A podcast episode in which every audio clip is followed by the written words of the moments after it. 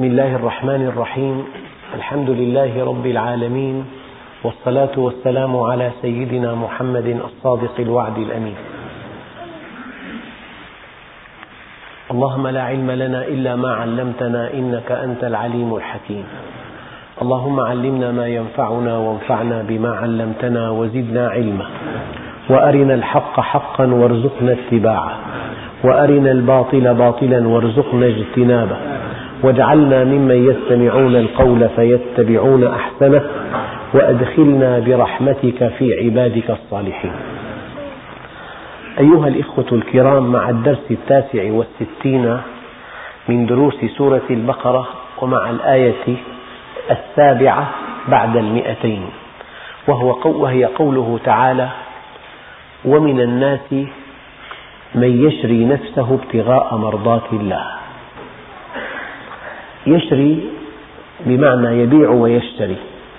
وسياق الآية يحدد معنى يشري بمعنى يبيع. يعني ومن الناس من يبيع نفسه ابتغاء مرضات الله. يقول الله عز وجل إن الله اشترى من المؤمنين أنفسهم وأموالهم بأن لهم الجنة. يقاتلون في سبيل الله فيقتلون ويقتلون وعدا عليه حقا في التوراة والإنجيل والقرآن. ومن أوفى بعهده من الله فاستبشروا ببيعكم الذي بايعتم به وذلك هو الفوز العظيم. أيها الإخوة خلقت لجنة عرضها السماوات والأرض. ثمنها أن تأتي إلى الدنيا وتقدم شيئا لوجه الله. قد تقدم مالك وقد تقدم وقتك. وقد تقدم علمك. وقد تقدم حياتك. والجود بالنفس أقصى غاية الجود. على كل إنسان لم يقدم شيئا هذا أشقى الأشقياء. لأنه جاء إلى الدنيا ليقدم. فلما نسي أن يقدم خسر الآخرة. وخسر الحياة الأبدية في جنة عرضها السماوات والأرض. ملخص الملخص أنك مخلوق لجنة. لك فيها ما تشاء فيها من كل الثمرات فيها حور عين فيها أنهار من كل أنواع الأنهار من لبن لم يتغير طعمه من عسل مصفى من خمر لذة للشاربين من ماء غير آس وفيها ولدان مخلدون وفيها نظرة إلى وجه الله الكريم وفيها رضوان من الله أكبر. هذه الجنة إلى أبد الآبدين لا مرض ولا قلق ولا حزن ولا جوع ولا انتكاسة شيخية ولا شيء مزعج. خلقت لهذه الجنة إلا أن هذا العطاء الكبير يحتاج إلى ثمن تدفعه في الدنيا. الثمن أن تقرض الله قرضا حسنا أن تقرضه يعني أن تعمل عملا صالحا مع عباده. فالمؤمن الإيمان درجات في إنسان طبق منهج الله وفعل بعض الصالحات هذا ناجي في إنسان تفلت من منهج الله وأساء للخلق هذا هالك في الدنيا والآخرة. أما في طبقة أولى هؤلاء السابقون السابقون هؤلاء الذين باعوا أنفسهم في سبيل الله وقتهم كله لله مالهم كله لله علمهم كله لله ذكرهم كله لله. كل أفعالهم وأحوالهم وإقامتهم وسفرهم وعطائهم وأخذهم وصلتهم وقطعهم وغضبهم ورضاهم في سبيل الله.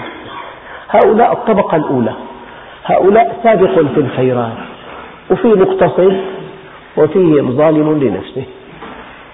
فأما إن كان من المقربين فروح وريحان وجنة نعيم.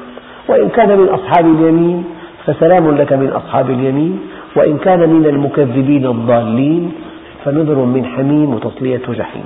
إن هذا له حق اليقين فسبح باسم ربك العظيم. هي حقيقة كلية أيها الإخوة. حقيقة أساسية جدا في حياة الإنسان. لأنك من بني البشر مخلوق لجنة الآخرة. جئت إلى الدنيا من أجل أن تعمل لها أن تدفع ثمنها. فأكبر خسارة هو أن تخسر جنة الله. ليس هناك خسارة تكتفي بخسرانها بس لا بد من عذاب النار. فهو الذي نفس محمد بيده ما بعد الدنيا من دار إلا الجنة أو النار. ما في حالة ثانية من هنا قدم الله الموت على الحياة. هو الذي خلق الموت والحياة ليبلوكم أيكم أحسن عملا. يعني أيها الإخوة إن صحت عقيدة الإنسان تحرك في الدنيا حركة صحيحة. نقلته إلى الجنة. يعني واحد ذهب إلى بلد ليأتي بالدكتوراه. ولتكن باريس ولتكن لندن. طيب هذه مدينة مغرية جدا. فيها مسارح فيها ملاهي فيها دور سينما فيها حدائق فيها متاحف فيها أماكن جميلة جدا طبيعية وفيها جامعة. فأنت حينما تأتي إلى هذا البلد من أجل أن تنال الدكتوراه. لك هدف واحد. نيل هذه الشهادة؟ الآن كل شيء في هذا البلد بأربك من هذا الهدف تأخذ به. وقفت أمام مكتبة وجدت قاموس. أنت بحاجة إليه. اشتريته. أه، وجدت شخص سبقك إلى هذا البلد قبل سنتين. لغته قوية جدا. فتمنيت أن ترافقه كي تتعلم من لغته. هي بتقربك بالهدف هذا مثل. هلا في دار له هذه تبعدك عن الهدف بلاها فأنت أمام مليون خيار. إن عرفت لماذا أنت هنا في الدنيا إن عرفت الهدف من وجودك أي شيء تعرضه على الهدف فإن كان في خدمته أخذت به. وإن كان يبعدك عن هدفك تركته. هي فلسفة الحياة؟ الحياة الآن مغرية جدا. يعني ممكن ممكن يشتري الإنسان جهاز مستقبل حديث جدا 350 محطة. ما في عنده ملل أبدا. إذا بده يمر على عشر بالليل راح للساعة واحدة ثنتين مثلا. ففي محطات في أخبار في مجلات في معارض في نزوهات في فنادق في ملاعب. في مباريات في سهرات حارة في ملاعب كرة الحياة ممتلئة.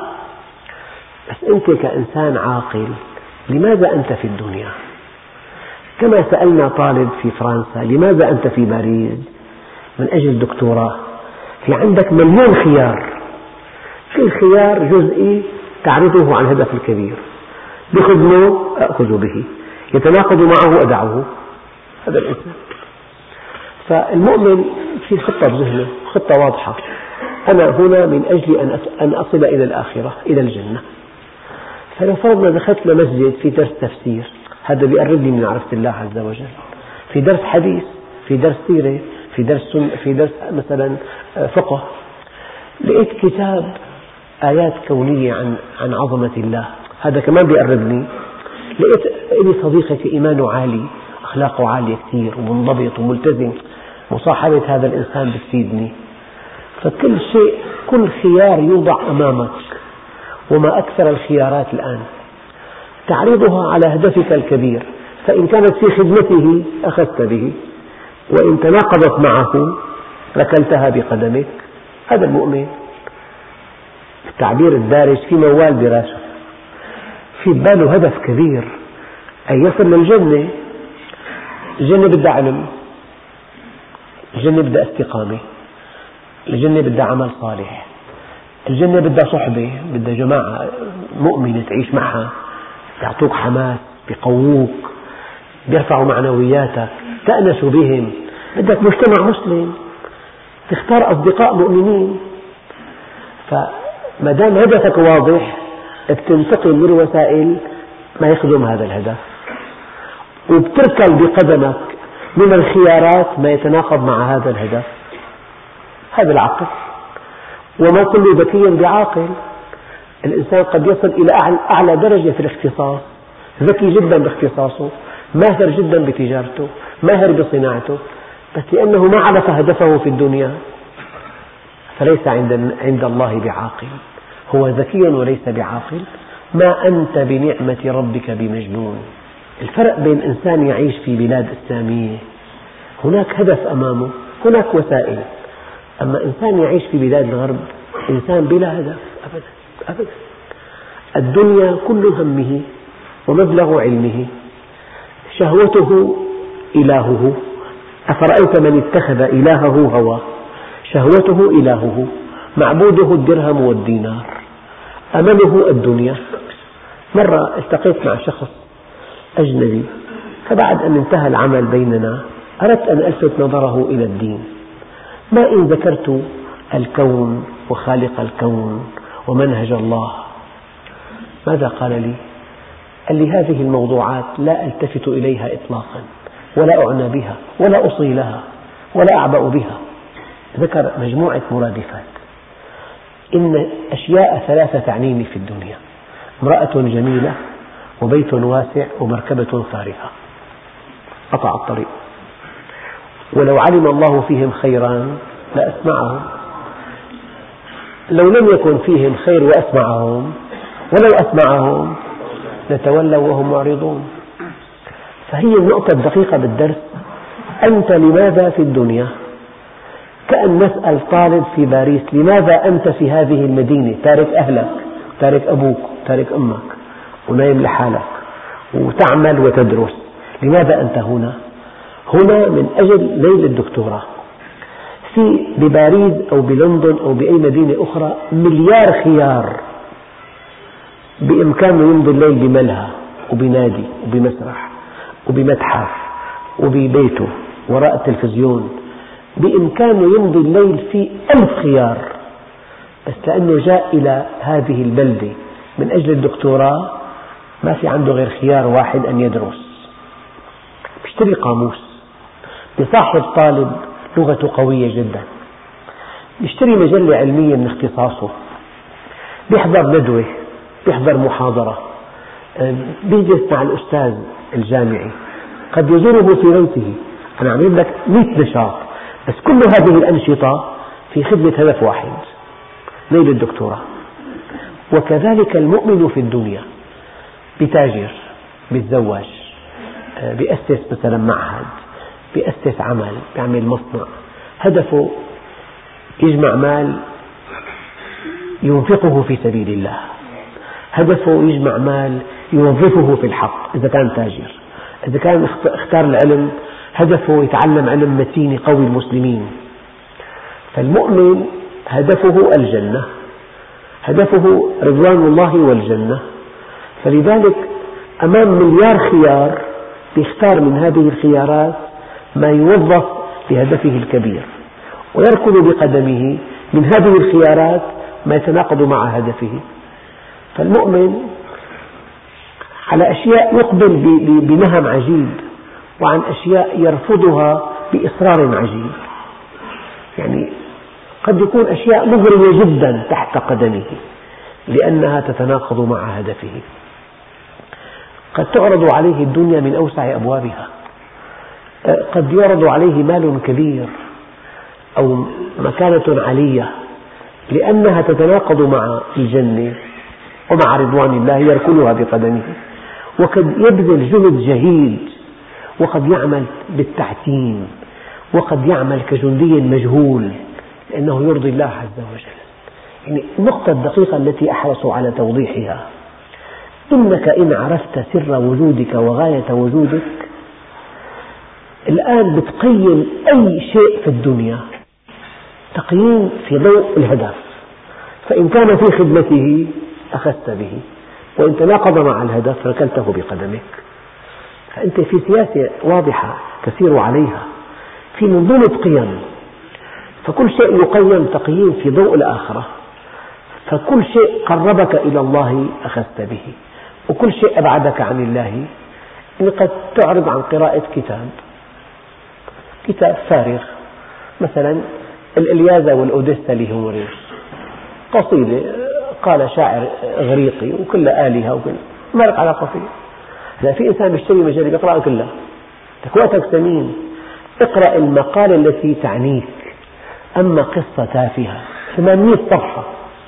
لفت نظري هؤلاء الأجانب. في الطائرات يقرؤون في المطارات يقرؤون.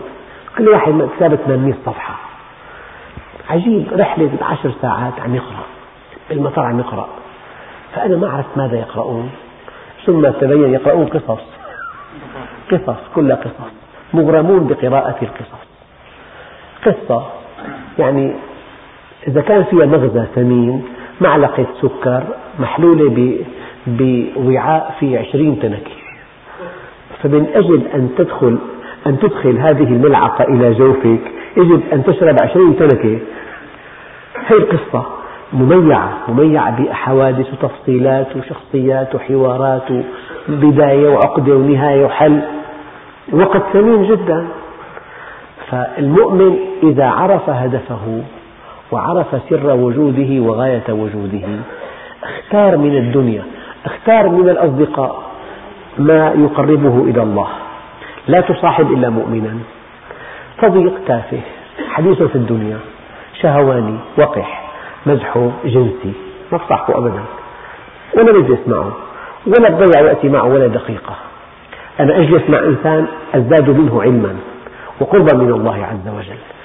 في ضوء الهدف اختار أصدقاء المؤمنين. هلا في ضوء الهدف اختار حرفة في نفع المسلمين. ما اختار حرفة تهدم البيوت لكنها رائجة جدا.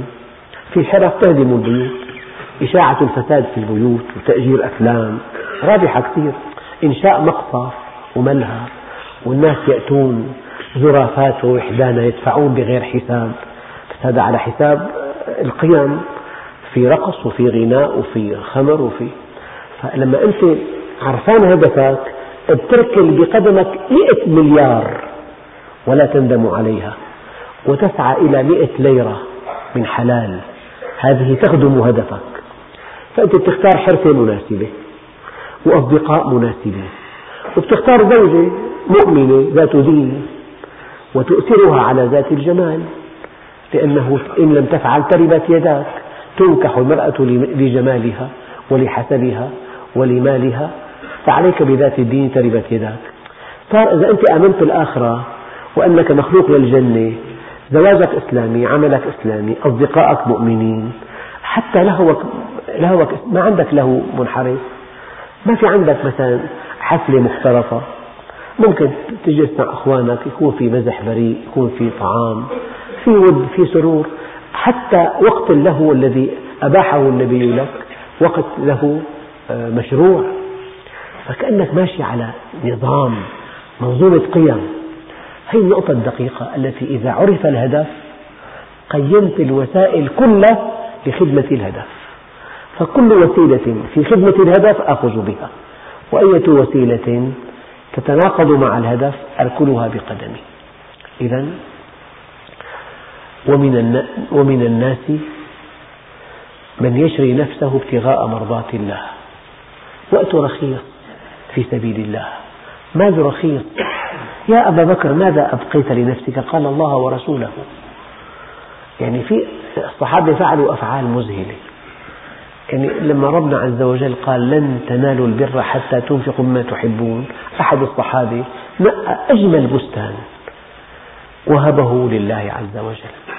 يعني كان النبي يحب هذا البستان في نبع ماء وفي أشجار وارثة. فنقى أجمل شيء.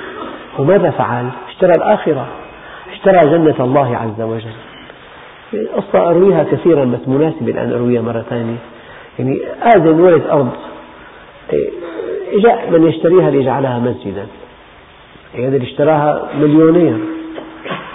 فلما علم هذا الآذن المستخدم الذي معاشه أربعة آلاف ليرة وهو قد تملك بالإرث أرض ثمنها أربع ملايين ثلاث ملايين ونصف فلما علم أنها ستكون مسجد مزق الشك وقال للشاري أنا أحق منك أن أقدمها لله.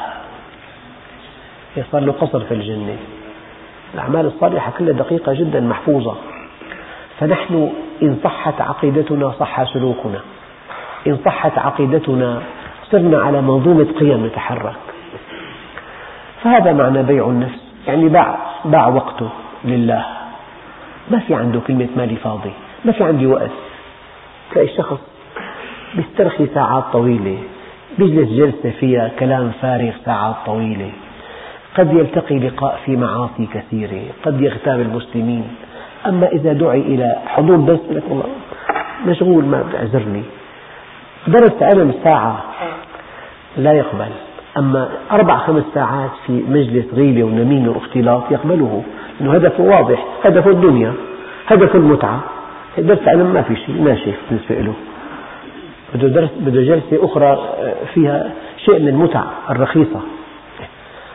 فنحن نريد أن نؤكد في هذه في هذه الآية أنك إذا عرفت سر وجودك وغاية وجودك قيمت كل ما حولك وكل من حولك.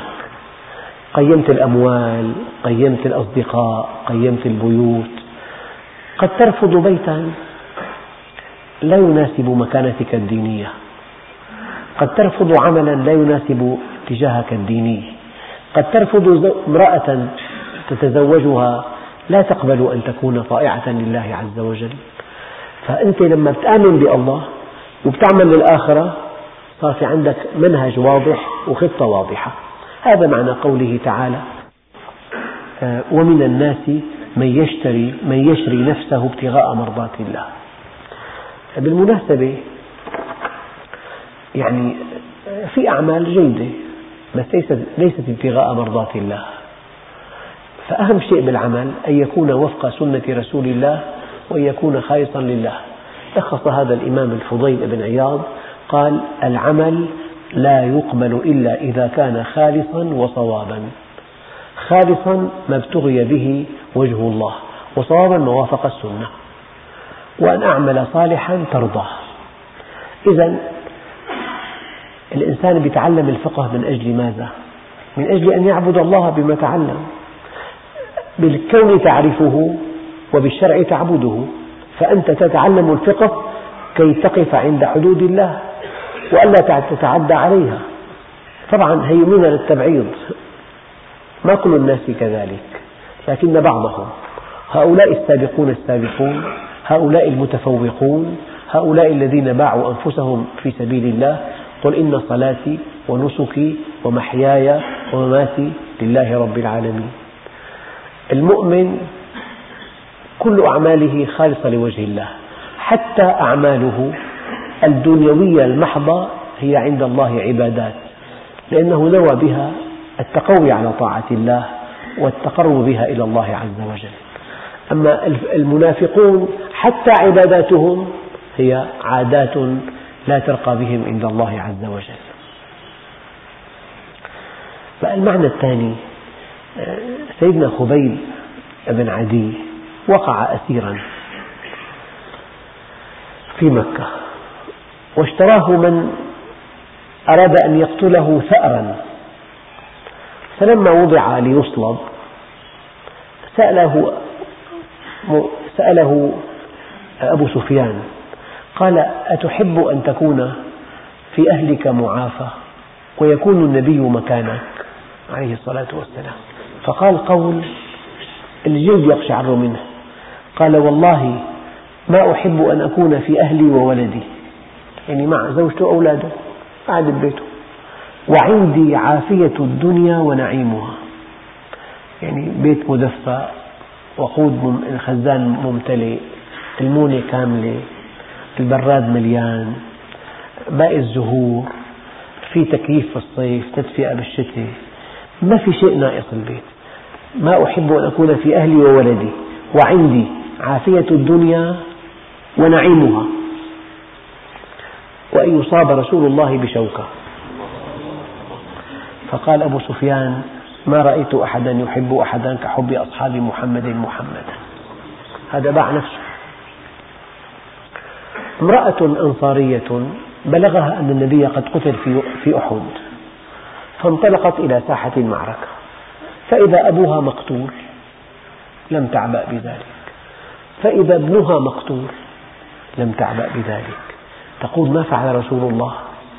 فإذا أخوها مقتول فإذا زوجها مقتول أبوها وزوجها وابنها وأخوها في ساحة المعركة قد استشهدوا وتقول ما فعل رسول الله. فلما رأته بعينها واطمأنت على حياته قالت يا رسول الله كل مصيبة بعدك جلل. رجل أسلم مع رسول الله فدخل غزوة من غزوات النبي. فانتصر النبي ووزعت الغنائم على الجنود. أصابته الغنيمة. قال ما هذه؟ قالوا هي غنيمة لك. قال أنا ما على هذا أسلمت. أنا أسلمت على الذبح. أنا أسلمت من أجل أن أقتل في سبيل الله. في معركة أخرى استشهد. فبلغ النبي ذلك فبكى عليه الصلاة والسلام. فلما عرف قصته قال هو هو. فقالوا هو هو. باع نفسه في سبيل الله. ومن الناس من يشري نفسه ابتغاء مرضات الله. لكن والله رؤوف بالعباد.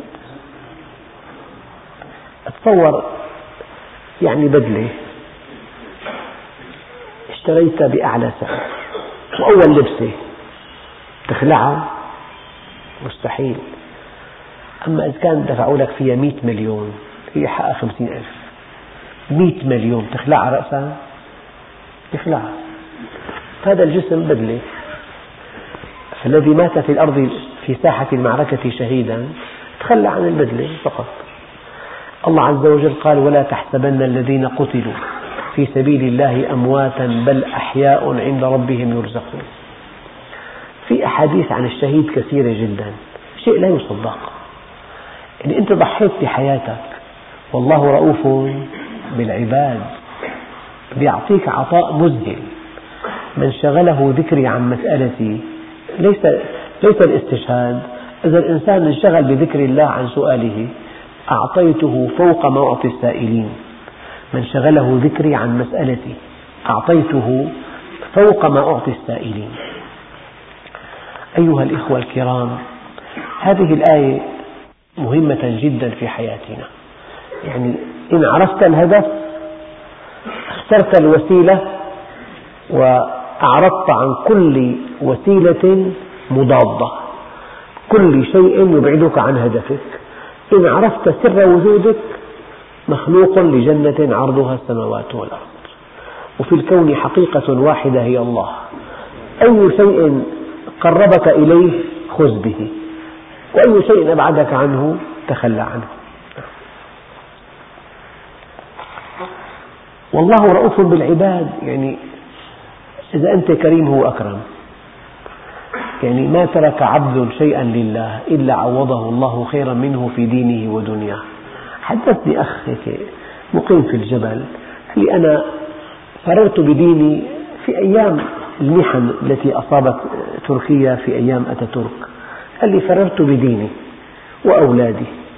قال لي أكرمني الله إكراما منقطع النظير. ما في إنسان يدع شيئا لله إلا عوضه الله خيرا منه. في دينه ودنياه. الله هو الفعال.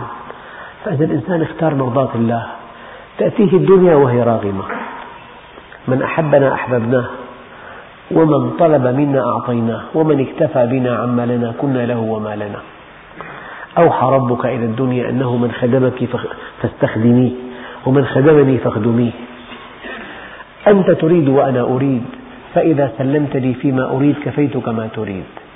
وإن لم تسلم لي فيما أريد أتعبتك فيما تريد. ثم لا يكون إلا ما أريد. يعني نكتفي بفكرة واحدة في هذا الدرس. أن تعرف الهدف وأن تختار الوسائل الفعالة التي توصلك إليه. صار في عندك رؤية صحيحة واختيار صحيح. تختار الزوجة تختار العمل تختار الأصدقاء تختار الحركة. كل هذا في رضوان الله عز وجل. وفي درس قادم إن شاء الله تعالى ننتقل للآية الثانية والحمد لله رب العالمين. بسم الله الرحمن الرحيم. الحمد لله رب العالمين والصلاة والسلام على سيدنا محمد الصادق الوعد الأمين. اللهم أعطنا ولا تحرمنا أكرمنا ولا تهنا آثرنا ولا تؤثر علينا أرضنا وارض عنا. وصلى الله على سيدنا محمد النبي الأمي وعلى آله وصحبه وسلم والحمد لله رب العالمين الفاتحة